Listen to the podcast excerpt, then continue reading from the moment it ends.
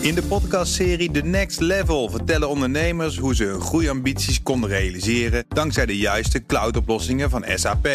Wat waren de uitdagingen, de oplossingen en hoe ging de uiteindelijke implementatie? Benieuwd naar hun verhalen en hoe zij met behulp van SAP ook hun toekomstige ambities kunnen behalen? Luister de podcast The Next Level via de BNR-app of je favoriete podcast-app. BNR Digitaal wordt mede mogelijk gemaakt door SecureLink. SecureLink, safely enabling business. BNR Nieuwsradio. BNR Digitaal. Herbert Blankenstein. Bakken mails met privacy statements. Organisaties die niet weten of ze aan de wet voldoen. Of heel goed weten dat ze er niet aan voldoen. Een autoriteit persoonsgegevens die op zijn best gemengde signalen afgeeft. En een overheid die zelf zijn zaakjes niet op orde heeft. En niet wordt bestraft. Is de AVG, de Algemene Verordening Gegevensbescherming, een hashtag fail?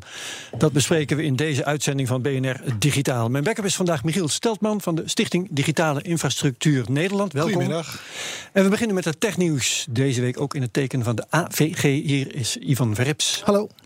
Hallo.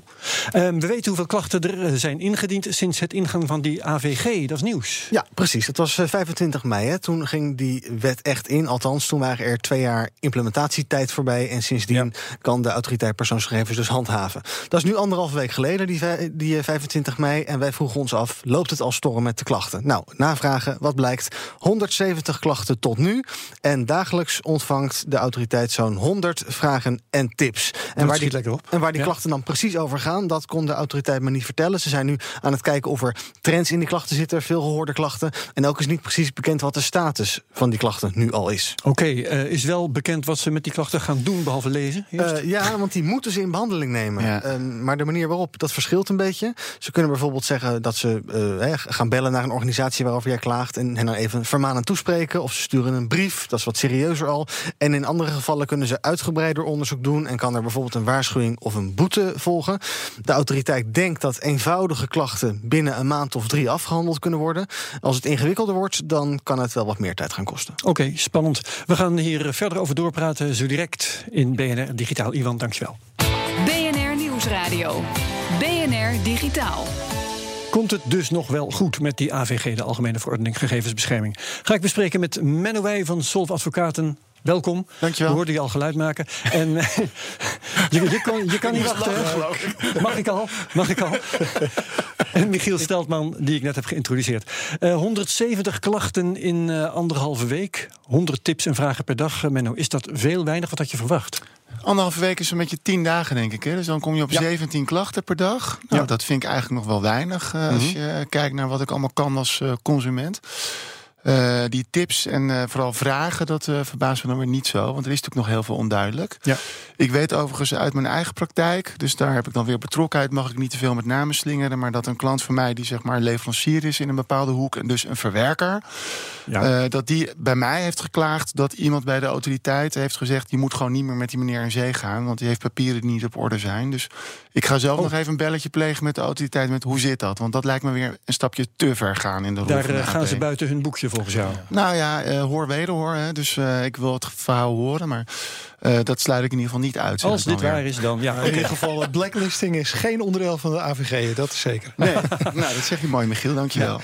Ehm, ze kunnen nog niet zeggen waar die klachten in het algemeen over gaan. Maar eh, nou ja, Michiel, jij hebt zeker contacten. Menno, jij hebt zeker klanten. Ehm, eerst maar even, Michiel. ehm, als er geklaagd zou worden, waar denk jij dan dat die klachten over zouden gaan? Nou, ehm, consumenten gaan eh, klagen over het feit dat ze vinden dat ze benadeeld worden. En dat ze, eh, dat ze het wantrouwen, een bedrijf niet goed met hun data omgaat. Ja. Of dat ze met eh, hele onredelijke of oneerlijke bepalingen worden geconfronteerd. Hè, dat kan ik me heel goed voorstellen. Zou ik als consument zelf ook doen. Ja, ja en jij, Menno? Ja, ik verwacht eh, de klacht in de hoek van eh, dat de consument, de betrokkenen in privacyland, hè, degene over wiens gegevens het allemaal gaat, die heeft gewoon meer eh, macht en meer controle over zijn data op papier. Hè, Dus dat is wel werkelijk zo. Oh, zeker. Het is mijn rechten als Menno Wij, privé, waar eh, bij allerlei bedrijven data over worden verwerkt, zijn er sterker op geworden. Ja. En het voordeel is nou juist, dat zei eh, Iwan in dat stukje ook al, dat je kunt dus via de autoriteit, hè, als het ware, die kan je voor je karretje spannen, want je kunt een klacht indienen en de autoriteit moet daar iets mee. Mhm. Ja, Dus, geloof jij ook echt dat een mens zijn recht kan halen nu? Eh, gelijk eh, hebben en gelijk krijgen is het eerste bedoel wat je in de ik, ja. advocatuur leert dat dat niet zo werkt. Hè. Dus eh, ander voorbeeldje, consumenten als die iets kopen zijn zwaar beschermd in heel Europa. En in de praktijk werkt het ook niet zo. Dus je bent wel nog steeds hè, die één, één persoon, letterlijk, die moet opboksen tegen grote bedrijven. Maar Ja. nogmaals, mis, eh, maak gebruik van de bevoegdheden die je via de autoriteiten kunt inzetten. Ja, maar de praktijk zal grilliger worden. Ja, ja, absoluut. daar komen we denk ik nog wel op terug. Eh, Michiel, ik begrijp dat jij veel onzin hebt gehoord de, de afgelopen weken over de Ja, AVG. ook eh, Noem eens persoonlijke wat- noem eens ervaring. wat over je tandarts, Ja, Michiel. ja, precies. ja, ben- Noem eens wat onzin. Nou, ik, zat, ik viel letterlijk bijna van mijn stoel. De tandartsstoel in dit geval. Want eh, mijn tandarts wist mij Een te vertellen... op slechte mijn stoel om uit te vallen. Ja, inderdaad. ik vroeg hem om mijn foto's. Mijn, mijn wederhelft is preventieassistent. Dus die kan foto's goed beoordelen. Ik zeg, stuur die foto's maar eens op met dat advies. Ja. Kan ik naar kijken? Hij wist mij te vertellen dat de wet hem verbood... om mij mijn gegevens toe te sturen.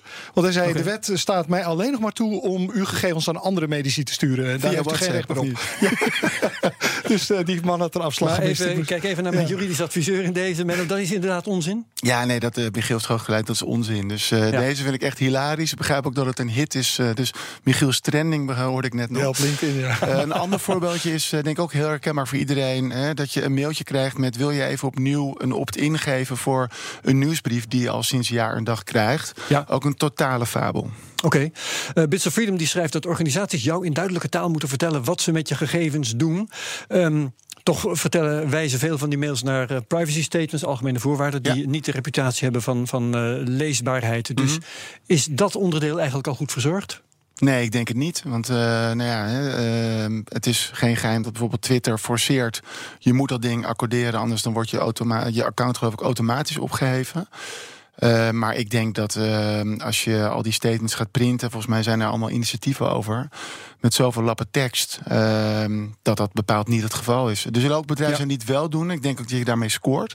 Maar ik denk dat er heel veel, nog steeds veel te vaag en veel te onduidelijk is. Ja, want dan bij Facebook, Instagram, WhatsApp en dergelijke eh, moet je, Twitter, moet je instemmen met de voorwaarden, anders dan eh, ga je maar weg bij de dienst. Ja. Heeft een bedrijf het recht om het zo te stellen of niet? Nou, dat, die, die vraag ligt dus nu eh, eh, bij een viertal waakhonden. Jammer genoeg nog niet eh, Nederland.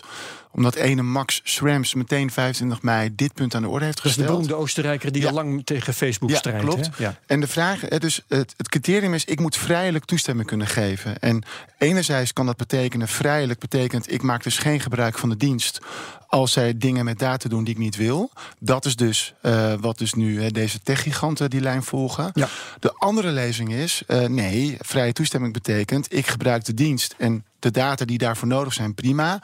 Maar al het meerdere, data delen, hè, dat businessmodel, dat dan niet. Eh, dus dat zou betekenen dat ik dus vrijelijk van de dienst gebruik ga maken... zonder al die extra's waar zij nu qua businessmodel op drijven. Al dan niet tegen betaling misschien. Nou ja, dat, ja of verminderd verbruik, gebruik. eh, ik weet niet wat er allemaal aan varianten gaat komen.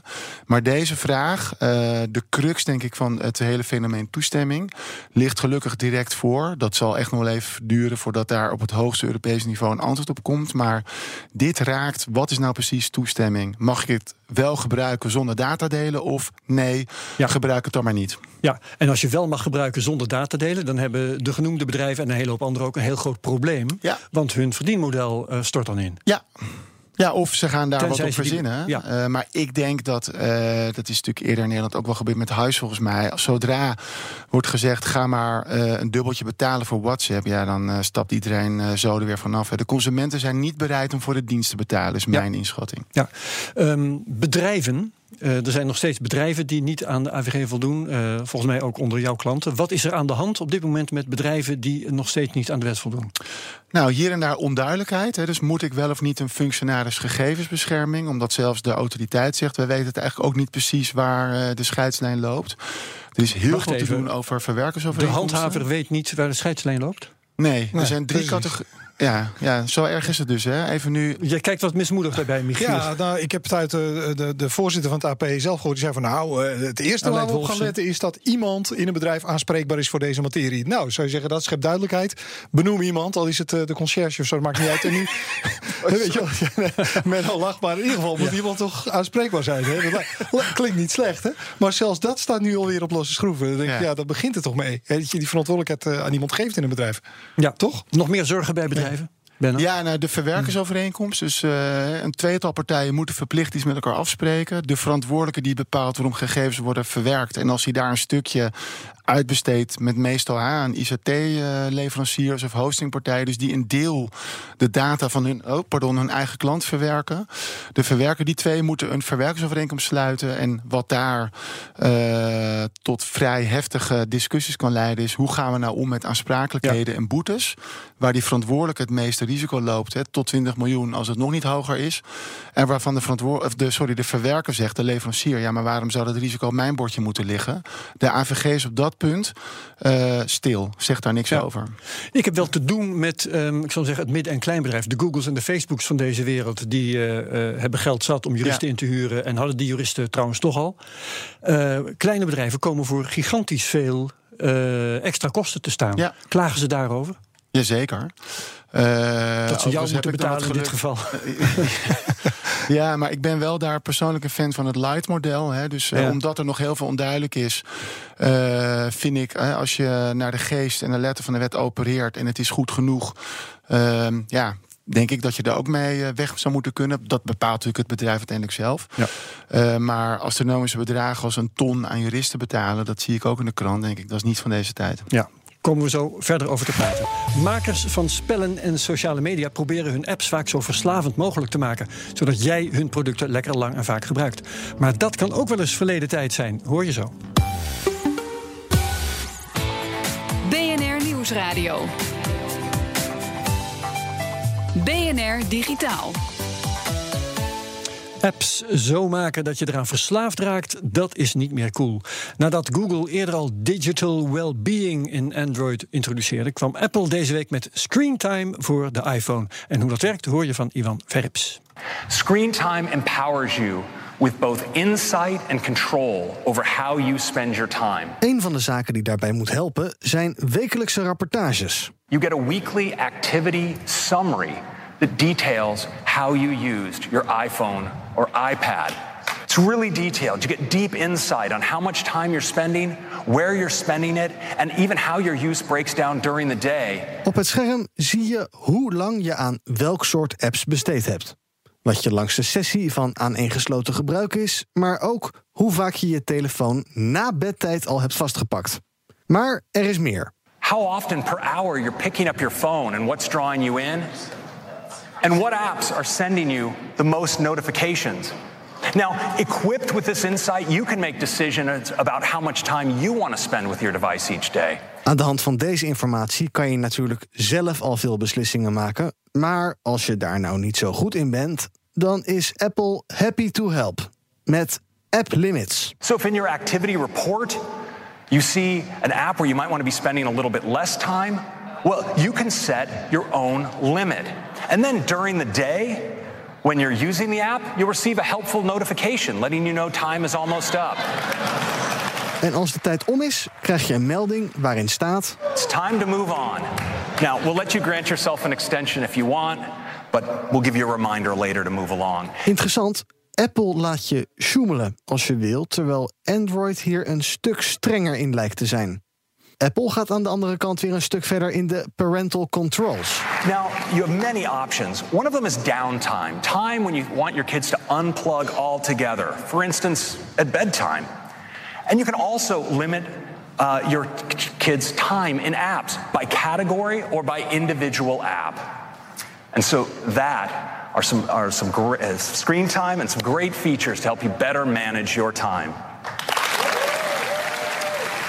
Ja, zo is dat. Het moet gezegd, de inspanningen van Apple op dit gebied lijken wel heel erg op die van Google. Maar ja, als het gaat om digitale welzijn geldt misschien beter goed gejat dan slecht verzonnen. Zelf zien hoe screentime eruit ziet. De beelden vind je na de uitzending op bnr.nl slash digitaal. BNR Nieuwsradio. Herbert Blankenstein.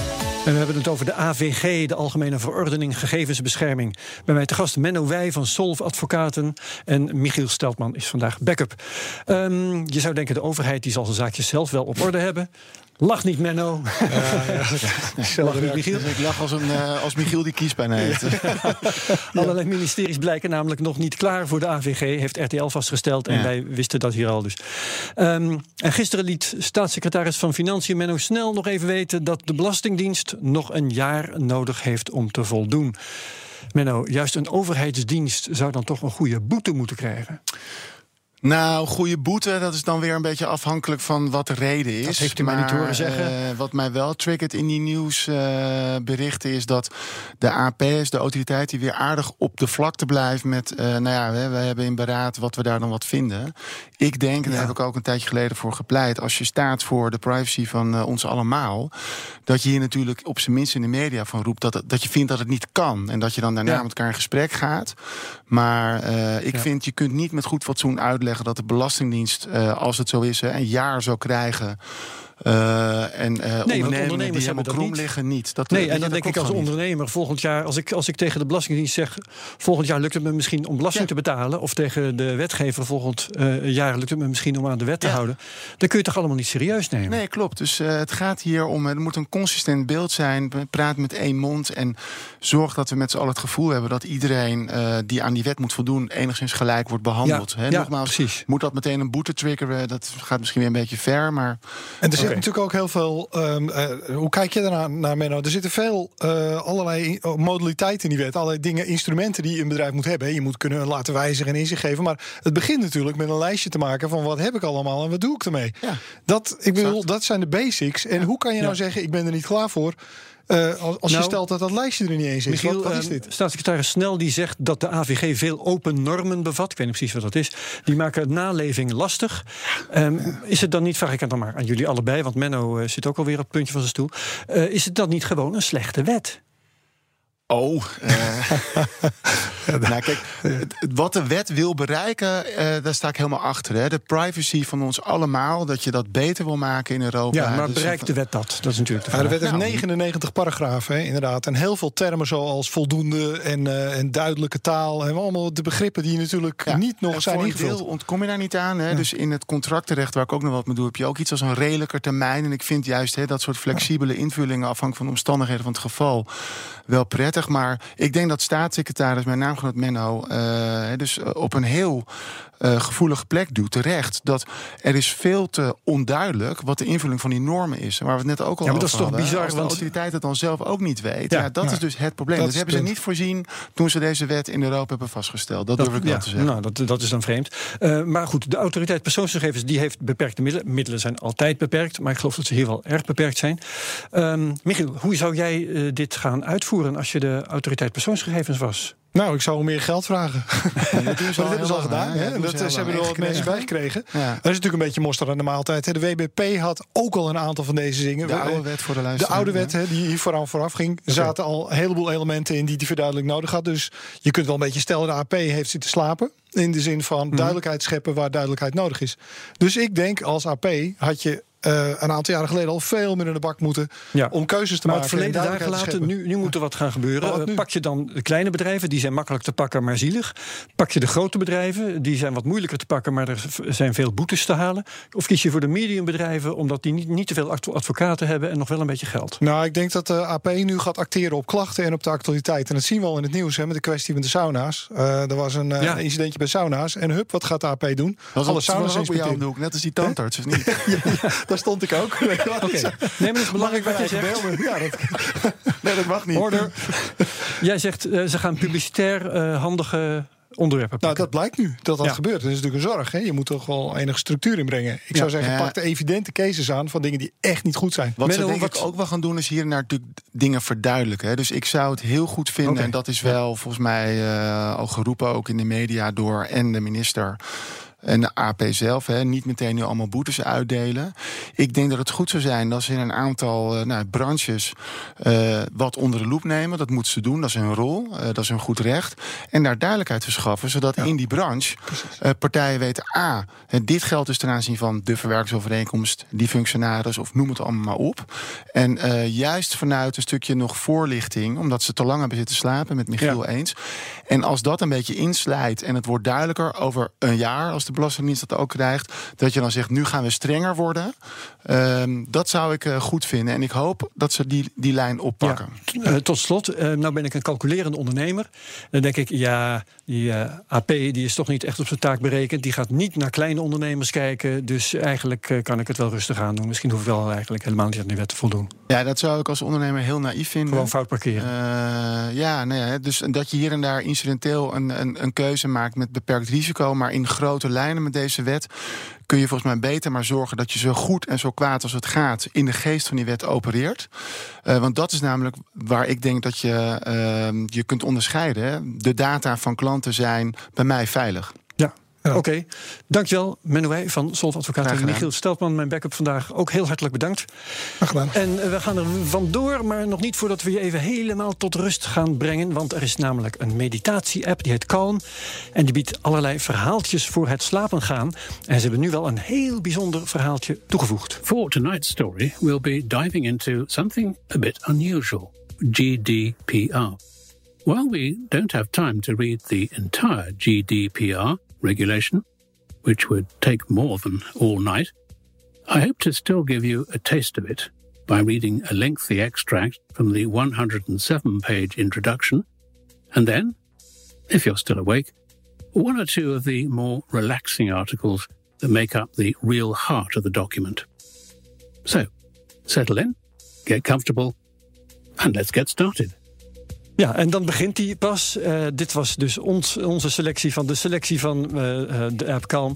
Wil je de rest horen? Wij moest zo lachen, zijn haar zit helemaal in de war. Wil je de rest horen? Na de uitzending een linkje op bnr.nl slash digitaal. Goed, dit was BNR Digitaal. Terugluisteren kan via de site, de app, iTunes of Spotify. En tot volgende week. BNR Digitaal wordt mede mogelijk gemaakt door SecureLink. SecureLink. Safely enabling business. In de podcastserie The Next Level vertellen ondernemers hoe ze hun groeiambities konden realiseren dankzij de juiste cloudoplossingen van SAP. Wat waren de uitdagingen, de oplossingen en hoe ging de uiteindelijke implementatie? Benieuwd naar hun verhalen en hoe zij met behulp van SAP ook hun toekomstige ambities kunnen behalen? Luister de podcast The Next Level via de BNR-app of je favoriete podcast-app.